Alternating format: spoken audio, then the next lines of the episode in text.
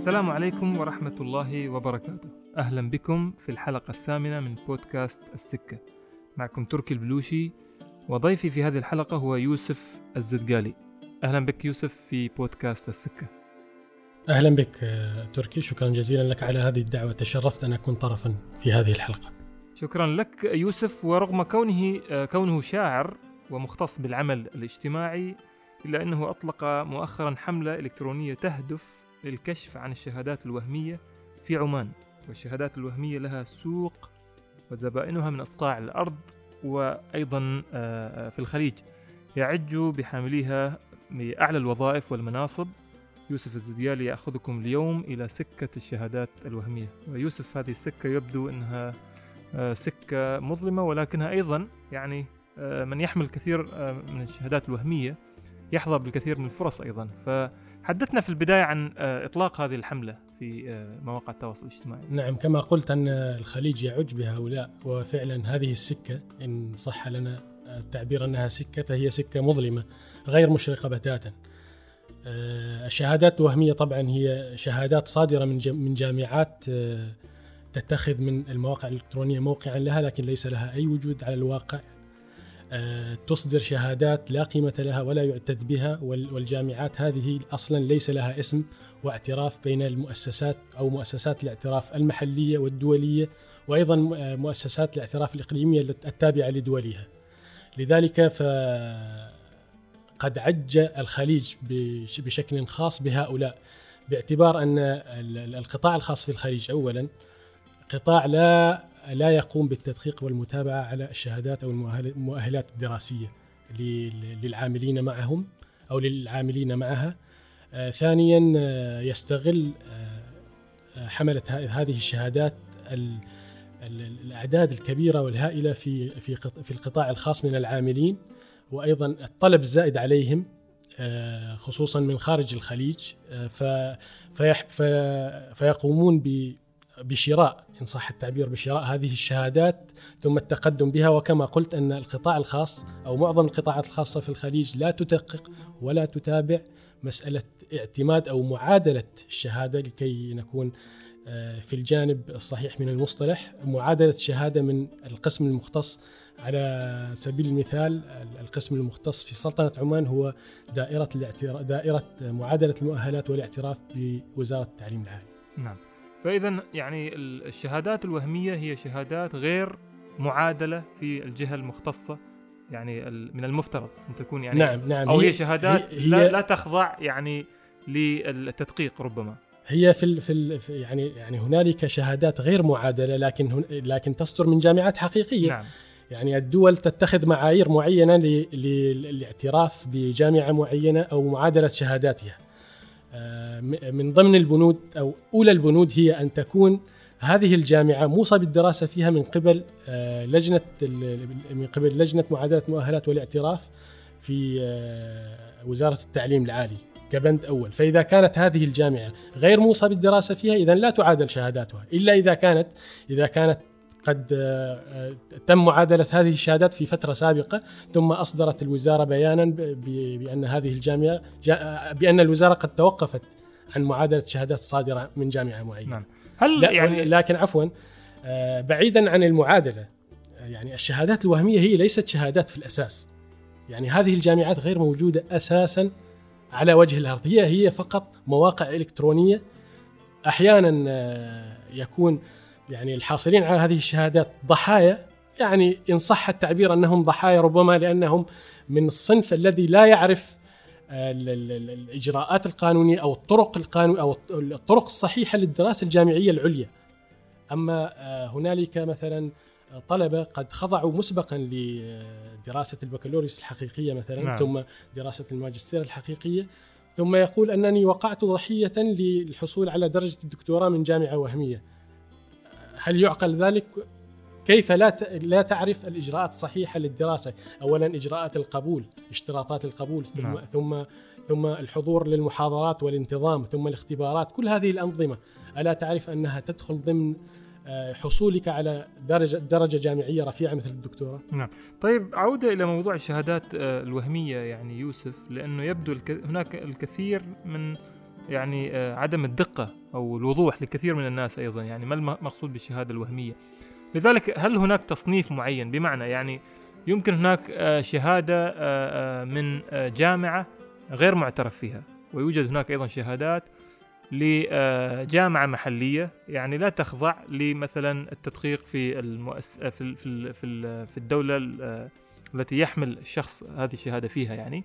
وهناك أيضا شهادات مثل ما ذكرت أنها آه، عبارة عن شهادات افتراضية تصدرها مواقع وتبيع هذه الشهادات على أنها شهادة معتمدة يعني. فهل هذا التصنيف للشهادات الوهمية فقط؟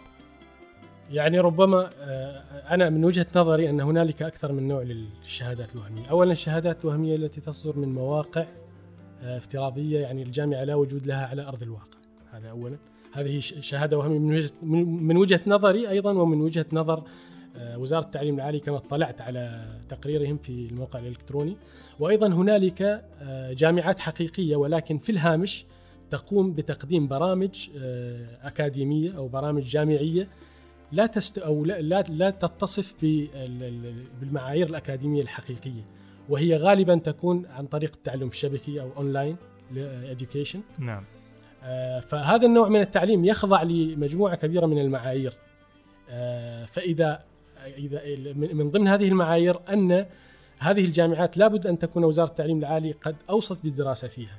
آه، وللعلم الدراسة عن طريق التعلم الشبكي آه، حول العالم لا تزيد لا تزيد عن ربما ست أو سبع دول دول هي التي تعتمدها سلطنة عمان فقط للتعلم الشبكي. آه، أيضا لابد أن يقوم الطالب بالاختبارات كافة الاختبارات في الجامعة نفسها في دولة المقر. إذا خضع الطالب لاختبار واحد عن طريق طرف وسيط أو في دولة أخرى من حق وزارة التربية من حق وزارة التعليم العالي أن لا تعادل هذه الشهادة. فهذا النوع أيضا من من الشهادات أنا أعتبرها شهادات وهمية أو واهنة لأن لأن الشخص يحمل شهادة الدكتوراه لكنه في الحقيقة آه، حسب معاييرنا في سلطنة عمان لا يحمل درجة الدكتوراه لأن هذه الشهادة واهنة أو ليس لها قيمة في نعم. في الجهة المختصة في نعم. سلطنة عمان. طيب آه، يوسف ذكرت في آه، بداية حديثك بأنه يعني آه، بدت هذه ربما يمكن القول بأنها ظاهرة في الخليج كثيرا يعني. ولكن ما الذي يضطر الكثيرين للجوء لهذه الشهادات؟ ولم يقتصر الأمر على الأجانب أيضا من أبناء الخليج أيضا يعني. كثير من المواطنين في دول الخليج وفي عمان أيضا بدأوا يتجهون للحصول على شهادات وهمية. ما الذي يدفع هؤلاء الناس للاتجاه لهذا الجانب. وأنا أقصد من هذا الجانب من ناحية في مسألة ضعف القانون. في حال هناك ضعف القانون في التشريعات مثلا أو أو السياسات. والشيء الآخر هو مسألة آه، ضعف الرقابة الداخلية في المؤسسات. نعم نعم, نعم. هذا الكلام صحيح جدا آه، وهناك قسمان من من الناس الذين يعني يتجهون لشراء هذه الشهادات الوهمية. الصنف الأول يريد أن يستفيد من هذه الشهادة في آه، في نيل مكانة وظيفية معينة أو الترقي من مكانة وظيفية إلى مكانة أعلى وهذه المكانة تتطلب مؤهل جامعي أعلى أو ربما هو لا يملك في الأصل مؤهل جامعي وهذه المكانة الوظيفية يعني تحتاج إلى مؤهل وظيفي. وهذا هذا النوع يعني آه، يشترك فيه المواطنون وغير المواطنون. أما الصنف الآخر وأعتقد أن ربما المواطنون هم أكثر من يعني يسعى وراء الشهادات لأجل هذا الهدف وهي الوجاهة. يعني آه، الوجاهة الاجتماعية التي ربما آه، فيما بعد يسعى من خلال هذه الوجاهة إلى الترشح لمكانات معينة مثل آه، مجالس الشورى مثل مجالس المجالس البلدية كل هذه من من ليصنع هو وجاهة بين الناس حتى يصير له صيتا اجتماعيا فيما بعد. فيعتقد الناس أن له أيضا يعني مكانة علمية بالإضافة إلى المكانة الاجتماعية. فينجح ربما نعم. يخترق كل هذه الحواجز ويصل إلى كرسي كرسي برلماني أو أي كرسي آخر ربما يكون حساس وأيضا ربما يتحكم بقرارات بقرارات مهمه, مهمة في, في نعم في البلد. في بعض المؤسسات ونحن أيضا في اتجاهنا إلى آه اعتماد ان أن يكون المجلس آه، أو مجلس الشورى مجلسا تشريعيا. نعم. فمن الخطورة بمكان يعني ان ان أن يكون هؤلاء الوهميون هم الذين يضعون التشريعات التي سوف تقود البلد لأجيال قادمة أيضا نعم. وليس الجيل الحالي فقط. صحيح. نعم. اذا هناك عدة أسباب. من بينها اذا الجوانب المتعلقة بالحصول على فرص أفضل في الوظيفة الترقي في مناصب معينة وربما هناك ما هو الأخطر كما ذكرت هي مسألة الوجاهة الاجتماعية اللي قد تؤدي للوصول مثلا لمجلس الشورى على سبيل المثال أو أي مؤسسة أخرى يتخذ فيها الشخص آه، قرار آه، مصيري. في عمان آه، يعني ما أثر ذلك أيضا يوسف وخاصة إذا كان الأمر متعلق ب بالباحثين عن عمل لأنه كما ذكرت أنت بأن الكثير من أصحاب الشهادات الوهمية يلجؤون للحصول على شهادات تؤهلهم للحصول على فرص عمل أولية يعني من بما على سبيل المثال أنه شخص عنده دبلوم عام ولكن لا يملك شهادة بكالوريوس واضطر لشراء شهادة بكالوريوس وهمية. فإلى أي حد ممكن هذا يلعب دور أيضا في تقليل فرص الناس المستحقين للحصول على العمل. نعم هنا أنا أود أولا أن أشير إلى خطة آه، حضرة صاحب الجلالة السلطان قابوس حفظه الله الذي آه، كانت خطته في الإحلال فيه أنه كلما توفر عماني بكفاءة وافد الكفاءة العلمية يحل مكان الوافد العماني والوافد يعود إلى بلده. هذه الخطة في الحقيقة إذا أخذناها كقاعدة كنا آه، قطعنا شوطا طويلا جدا في مسألة يعني القضاء على البطالة أو أو مشكلة الباحثين عن عمل إن صح التعبير. لذلك المشكلة أن وأركز في الحديث هنا على القطاع الخاص القطاع الخاص هو الذي أخفق في خطة الإحلال هذه ربما نرى أن القطاع الحكومي يعني يشكل آه، نسبا عالية أو جيدة أو جيدة جدا في في مسألة التأمين لكن في القطاع الخاص الأمر أخذ الجانب العكسي يعني نعم. زادت آه، زادت أعداد الوافدين وزادت أعداد الباحثين عن عمل يعني الأعمال كانت موجودة الفرص الوظيفية كانت موجودة ولكن بدل أن يحل المواطنون الشباب يبحثون عن عمل هذه المواقع الوظيفية حل مكانه وافدون تم استجلابهم أيضا عن طريق آه، شركات شركات, شركات التوظيف نعم. الوسيطة والتي نعم. أثير مؤخرا عن فساد هذه الشركات وأيضا في تداخل المصالح الشخصية بين الشركات نعم. وأصحاب الأشخاص المتنفذين نعم. في آه، في الإشراف على القطاع الخاص. نعم. العودة يوسف لموضوع الشهادات الوهمية وما يدور حولها أيضا يعني من خلال متابعتك من خلال بحثك و يعني متابعة البيانات بشكل عام خلال تصفح في الإنترنت أيضا يعني هناك عدة مواقع متخصصة في مسألة رفع السير الذاتية والتقدم للوظائف عن طريق هذه المواقع. كيف تجد مسألة يعني نسبة الشهادات الوهمية للشخص الأشخاص يعني في الوظائف التي يمكن أن يحصل عليها المواطن؟ وأثر ذلك في أنه هذا الشخص اللي يحمل شهادة وهمية ربما يحصل على فرصة يعني قد يعني يستحقها شخص مواطن مثلا على سبيل المثال أو شخص آخر عموما يعني. في الحقيقة لن أبالغ قلت لك أن كل الحالات التي مرت علي يقابلها في المقابل العماني يمكن أن أن يأخذ هذا الموقع الوظيفي.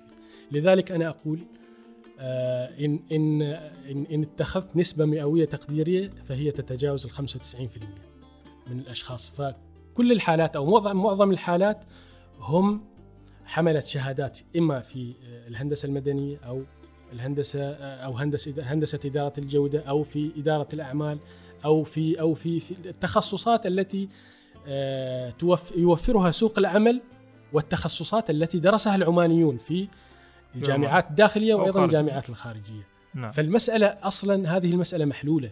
خطة الإحلال إذا وقعت فسوف تحل النسبة الأكبر من مشكله الباحثين عن عمل. لذلك خلاصة لهذه النقطة أكثر الحالات التي مرت علي يقابلها في المقابل شاب عماني جدير ومتعلم ويملك نفس الكفاءة العلمية التي آه، يعني أخذها صاحب الشهادة الوهمية والتي جلبت أحيانا بدون خبرة. في حالات كثيرة جلبت بدون خبرة إذا كان كانوا سيتذرعون بمسألة الخبرة. نعم. طيب آه، يوسف يعني آه، طبعا ربما هذه الظاهرة موجودة ولكنها كما ذكرت يعني هي سوق سوداء والسوق السوداء أيضا أحيانا تكون سو يعني سوق صامت. لا يعني لا تثار حوله الشبهات. حتى يعني آه، تأتي اللحظة التي يرمي فيها الشخص الحجر آه ويظهر يعني آه ما تحت يعني ويظهر المخفي تحديدا نعم. يعني. متى آه بدأت فكرة الاهتمام بمسألة الكشف عن أصحاب الشهادات الوهمية كيف بدأت يعني؟ هي فجأة ظهرت خلال تقريبا نهاية العام آه يعني العام الماضي بدأت تنتشر فكرة الكشف عن الشهادات الوهمية وبدأت هذه السنة أيضا كثير من المؤسسات الحكومية حتى المركز التواصل الحكومي بدأ يتفاعل وكثير من مؤسسات في القطاع الخاص والقطاع الحكومي أيضا. فكيف بدأت هذه الفكرة؟ وتعطينا أيضا نبذة عن يعني في الحقيقة هي ليست فكرة بقدر ما هو ردة فعل. يعني الدكتور موافق الرويلي بدأ في هذه المسألة محاربة الشهادات آه، الوهمية في المملكة العربية السعودية قبل أكثر من سبع سنوات. وهو أيضا أكاديمي سابق وعضو سابق لمجلس الشورى السعودي. بدأ في محاربة هذه المسألة آه، ويعني استمر في هذه المحاربة لأكثر من سبع سنوات. المسألة في ردة الفعل أتت عندما آه، وسع الدكتور موافق الرويلي آه، نطاق المحاربة إلى دول الخليج الأخرى. عندما وصل إلى عمان يعني يعني تبين للناس خطورة هذه المسألة تبين للناس مدى تفشي هذه الظاهرة داخل مؤسساتنا يعني كأن كأن كأن النائم قد استيقظ نعم. آه، فأنا من ضمن الناس الذين الذين يعني رأوا فعلا كم أن هذه هذه المسألة قد تفشت يعني قد تفشت في مؤسسات كبيرة ومؤسسات كانت يعني تدعي من السمعة ما تدعي وأيضا تدعي من الجودة ما تدعي. وفي الأخير نكتشف أن هؤلاء أصحاب شهادات وهمية الذين لا يملكون أي أي مؤهل تعليمي وأي تأهيل يعني علمي أو تخصصي ليخوضوا غمار هذه الوظيفة وهم دائما يعني يراهنون أن هؤلاء أشخاص قادرون بحكم الخبرة. في الحقيقة أي شخص تضعه في أي مكان لسنوات سيكتسب الخبرة إن كان متعلما أو لم يكن متعلما لكن لابد أن يتخذ هذا الموضوع الشكل القانوني. هذا الموقع الوظيفي من هو المستحق لهذا الموقع الوظيفي؟ قانونيا. وكيف يمكن أن نجلب من أصحاب الشهادات الوهميه من الخارج؟ في المقابل الشاب العماني يجلس قعيد البيت ولا وهو يرى المواقع الوظيفية يعني تذهب إلى آه، اولا إلى شخص آه، غير عماني، ثانيا إلى شخص غير مؤهل وغير متخصص ويحمل شهادة وهمية. وهذه أيضا أصلا مخالفة لقانون الجزاء العماني. إن إن إن, إن شئنا القول أنه انتحال لدرجة علمية غير حقيقية وهو مخالفة للمادة 188 من قانون الجزاء العمومي نعم. طيب في هذه المسألة تحديدا آه، يوسف يعني مسألة الكشف والتحري والبحث يعني ربما هي يعني ليست وظيفتك الأساسية نعم. ولكنها أيضا يعني أصبحت آه، مثار اهتمام الكثير من الناس وبدأوا الكثير من الناس يتابعونك أيضا وأصبحت مؤسسات الرسمية تصدر بيانات حتى يعني نعم. مركز التواصل الحكومي أصدر بيان في مسألة ضرورة التفاعل مع هذه القضية ورغم أنه لم تطلق من مؤسسة رسمية فهناك اهتمام بالقضية هذه وأنت كما ذكرت رميت الحجر في الماء الراكد يعني ولكن السؤال الآن ما هي الأدوات الرقمية التي تستخدمها في مسألة الكشف؟ إلى أي حد يمكن لأصحاب الشهادات الوهمية التهرب أيضا نعم. من هذه الأدوات الرقمية اللي ممكن تكشف عنهم؟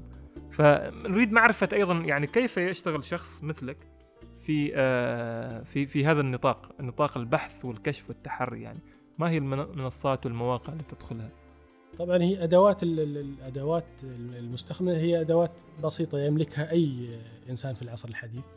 آه، يعني هاتف محمول أو آه، جهاز حاسوب. يعني أنا غالبا أستقي المعلومات من المواقع التي يعني دعني أعيد صياغة هذه المس هذه النقطة. يعني أنا أعتقد أنه لابد أن أحصل على على معلومات قد اتخذت صفة الإشهار مسبقا. نعم.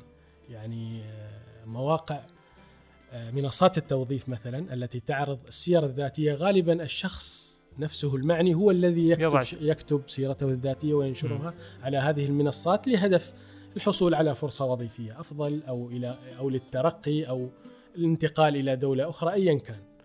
آه، المواقع الرسمية للمؤسسة التي يعمل بها خصوصا إذا كانت أكاديمية. نعم. يعني في العرف الأكاديمي لابد أن تحتوي المواقع الإلكترونية على سير ذاتية وافية خصوصا للمؤهلات التعليمية للمحاضرين نعم. ول وللجالسين على المناصب الأكاديمية العليا. مؤهلاتهم وأيضا حتى أبحاثهم المنشورة أبحاثهم المحكمة العلمية. كل هذه المعلومات طبعا سوف تعكس مسألة جودة جودة هذه المؤسسة نعم. في في في جانب الكادر العلمي أو الكادر العلمي الذي يقدم التعليم والتأهيل لأبنائنا وبناتنا نعم إذا يعني تدخل بشكل رئيسي على المنصات التي آه، تعرض نعم. نعم. السير الذاتية ولكن السؤال أيضا يعني ما هي الآلية في معرفة أن هذه الجامعة وهمية؟ يعني هل هناك قوائم مثلا بالشهادات آه، أو بالمؤسسات التي تقدم شهادات وهمية؟ لأنه هذه مهمة نعم. يعني أو جزء مهم في الموضوع أيضا. نعم. آه، طبعا هناك قوائم يعني أحيانا القوائم هذه رسمية وأحيانا قوائم غير رسمية. أحيانا أيضا يمكن أن استند على مقالات تم تم نشرها عن عن جامعات معينة مثلا آه، يعني تقدم شهادات في سبيل النصب والاحتيال مثلا نعم. هنالك طبعا الكثير أو مئات من المقالات آه، هنالك أيضا بيانات حكومية أحيانا صادرة عن مجالس المجالس الدراسات العليا أو نعم. مجالس آه، نعم مجالس الدراسات العليا مثلا أو من المجالس الاعتماد الأكاديمي في الدول هناك أحيانا بيانات تصدر واحيانا أيضا في المواقع الرسمية لوزارات التعليم العالي أو في المؤسسات التي تكون في نفس هذا هذه المرتبة آه، تصدر قوائم رسمية بالجامعات الوهمية وأيضا الجامعات التي هي يعني غير معترف بها في في تلك الدولة أو التي لا تعتمدها أو التي تحذر من الدراسة فيها. فالاعتماد ليس من مصدر واحد في الحقيقة يعني أكثر من مصدر أحيانا يأخذ من الجهد يعني الكثير من من من قراءة المقالات الكثيرة لكي أتوصل إلى جامعة واحدة أستند عليها للبحث على البحث عن طريقها نعم. عن عن موظفين أو أشخاص حملوا أو اشخاص موجودين أو حاملين لهذه نعم. الشهادة يعني من هذه الجامعة الوهمية نعم. نعم طيب مسألة التفاعل الحكومي مؤخرا يوسف كيف تقيمه؟ هل تعتقد بأن التفاعل هذا كاف؟ وأيضا آه، هل هناك جهات التدقيق يعني هل استوفت الأطر القانونية وأغلقت كل المنافذ التي يمكن للأشخاص أن يعني يتحايلوا يتحايلوا عليها ومن ثم يعني آه، يفتحوا منفذ آخر يعني للتحايل على المؤسسات. هل تجد أن مسألة التشريعية والقانونية كافية أم أن هناك تغاضي أو أن هناك مسألة داخلية ضعف في الرقابة الداخلية في المؤسسات سواء القطاع الخاص أو القطاع الحكومي؟ نعم دعني أتحدث أولا عن موضوع التشريع. أنا أعتقد أن هناك فراغ قانوني على مستوى واحد. آه، الفراغ القانوني يعني دعني أتحدث عن المواد القانونية من المادة 182 للمادة 188 في قانون الجزاء يعني هذه المواد تتحدث عن الانتحال بشكل عام ومن ضمن آه، أنواع الانتحال انتحال الدرجات العلمية. آه، الفراغ القانوني هنا في عدم تحديد في عدم تحديد مصطلحات معينة مثل الشهادات الوهمية مثل الشهادات غير المعترف بها أو الجامعات غير الموصى بها. ربما هذه ليست مسألة مهمة لكن مسألة تحديد الجامعات الوهمية أو الشهادات الوهمية داخل التشريع أو داخل المادة. أعتقد أن المواد هذه تحتاج إلى تعديل لتكون محددة آه، وأيضا يعني تعني بشكل مباشر الشهادات الوهمية. ربما الآن المادة 188 يعني تفي بالغرض لأن تقول المادة 188 أن كل من ادعى أو انتحل درجة علمية يعاقب بالسجن والغرامة نعم. سواء آه، كان قد استخدمها أو لم يستخدمها مجرد الحصول عليها تجعل يعني تضع نعم مجرد انتحال الجرم. درجة علمية فهل يعتبر آه، القانون العماني آه، اتخاذ الشهادة الوهمية من ضمن دائرة الانتحال إذا كانت تعني ذلك فقد انتهينا من المسألة لكن أنا أعتقد أن هذه المصطلحات تحتاج إلى تحديد أيضا في قانون الجزاء العماني أن تدرج آه، أو أن يدرج مصطلح الشهادة الوهمية ضمن مواد القانون التي تتحدث عن الانتحال في الدرجات العلمية. نعم. طيب بالنسبة لموضوع السياسات التي تضعها المؤسسات تحديدا في قسم الموارد البشرية يعني آه، في مؤسسات القطاع الخاص أو المؤسسات القطاع الحكومي يعني هل هناك آه، تدقيق دقيق؟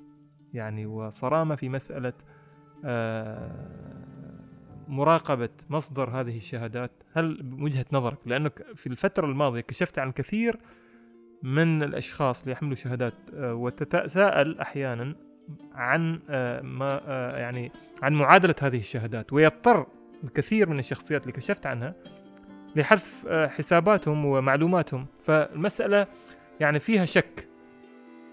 هي المسألة أعتقد ليس يعني لا تحتاج إلى يعني يعني إجراءات وتعقيدات كثيرة.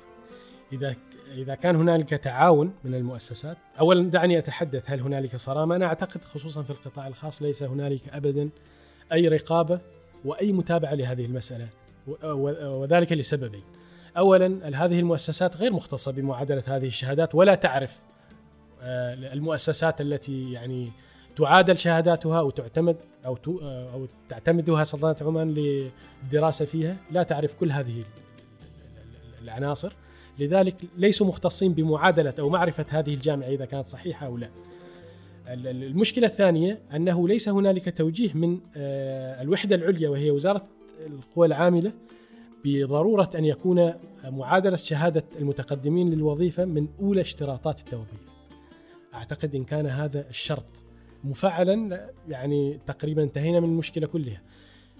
عندما يتقدم أي أي موظف أي موظف لنيل آه، مكانة وظيفية معينة ترسل شهادته أو مؤهله إذا كانت الوظيفة تحتاج إلى هذا المؤهل خصوصا المؤهلات من البكالوريوس وأعلى إلى آه، دائرة آه، معادلة المؤهلات والاعتراف لمعادلتها أو التقدم بطلب عن طريق الموقع الإلكتروني الموضوع سهل جدا الموقع الإلكتروني نعم. لوزارة التعليم العالي يتيح آه، التقدم بطلب معادلة أي شهادة مع إرفاق كل كل كل المستندات المطلوبة. عملية المعادلة هذه سوف تكشف اولا إذا كانت هذه الجامعة وهمية أو غير وهمية إذا كانت هذه الجامعة حتى وإن كانت صادرة من مؤسسة حقيقية هل هي فعلا مسجلة في الجامعة أم هي شهادة مزورة؟ نعم كل هذه المسائل سوف يعني تتضح من خلال معادلة الشهادة. أي شهادة أيا كانت يعني إن كانت صادرة من أي مؤسسة في العالم عملية المعادلة سوف يعني تتحقق من صحة هذه الشهادة نعم. على كل الأحوال. نعم. خلال آه، عملك آه، آه، يوسف يعني الفترة الماضية واشتغالك على مسألة نشر ملفات أصحاب الشهادات الوهمية. يعني المسألة أيضا فيها قانونية في مسألة يعني فيها جوانب قانونية ومسألة إشهار يعني. هل تعرضت مثلا لتهديد أو رفع دعوة عليك مثلا تهديد برفع دعوة أو أنه مثلا تحاول بعض المؤسسات يعني إغلاق الملف عبر التواصل الشخصي وكذا؟ هذه أيضا جانب غير آه، واضح للكثير من المتابعين. نعم. نعم في الحقيقة تعرضت يعني تعرضت ل التهديد طبعا برفع برفع دعوى بدعوى بتهمة التشهير مثلا أو آه، تهديد أحيانا أيضا تهديد يعني تهديد مباشر تهديد مباشر بالتعرض تعرض لي من قبل أشخاص طبعا وليس مؤسسات. نعم. آه، تلقيت أيضا اتصالات من مؤسسات آه، لم تكن بصيغة التهديد لكن كانت بصيغة الطلب كانت تطلب أحيانا آه، حذف ما ما نشر سابقا أو نعم.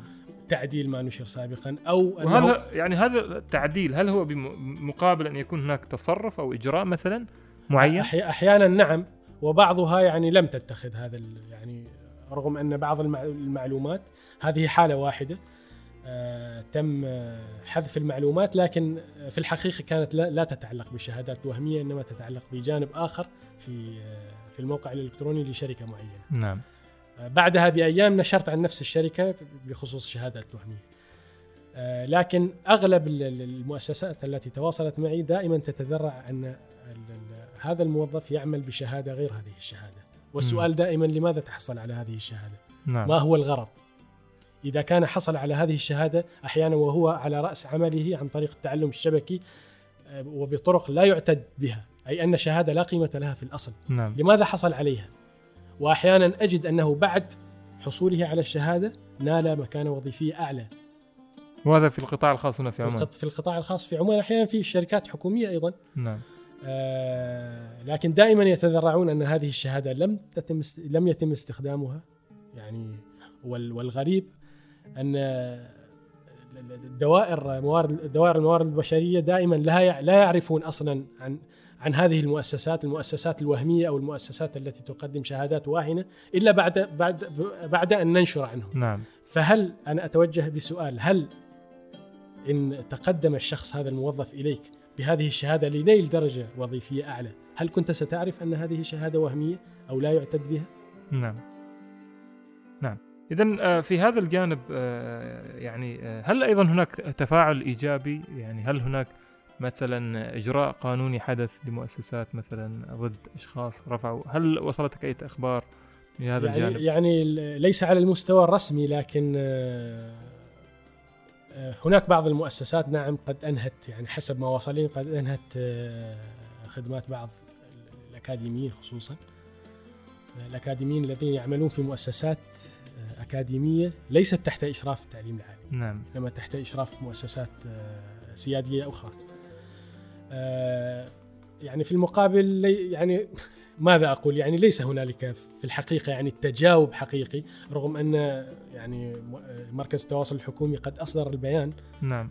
نعم. الشهير الذي تعرف عنه. آه، وكان من من أهم بنوده ان أنه لابد من المؤسسات أن يعني تتخذ التفاعل والتجاوب مع هذه مع مع ما ينشر آه، يعني آه، طابع الجدية وبعد يعني هذا التعميم لم يحدث أي تغيير في الحقيقة رغم نعم. أن يعني مركز التواصل الحكومي يعني هو تابع للأمان العام لمجلس الوزراء نعم. يعني هو القلب النابض للحكومة صحيح لكن هناك هنالك في الحقيقة يعني تجاهل كبير جدا من مؤسسه خصوصا من مؤسسات التعليم من عفوا من مؤسسات القطاع الخاص نعم.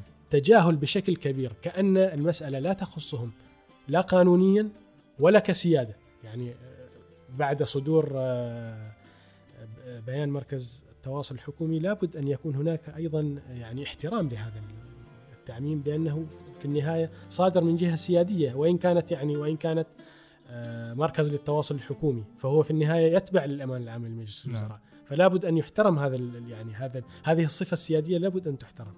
لكن طيب. لكن ما تزال يعني نعم. هل هناك يعني ربما بحاجه إلى آه يعني ربما خطوة أكبر من مجرد صدور بيان مثلا؟ هل هناك آه إعلان كيان مثلا معين؟ وإن كان على مستوى مثلا مديرية مثلا عامة فيما يخص ليس فقط المعادلة وإنما التدقيق أيضا يعني.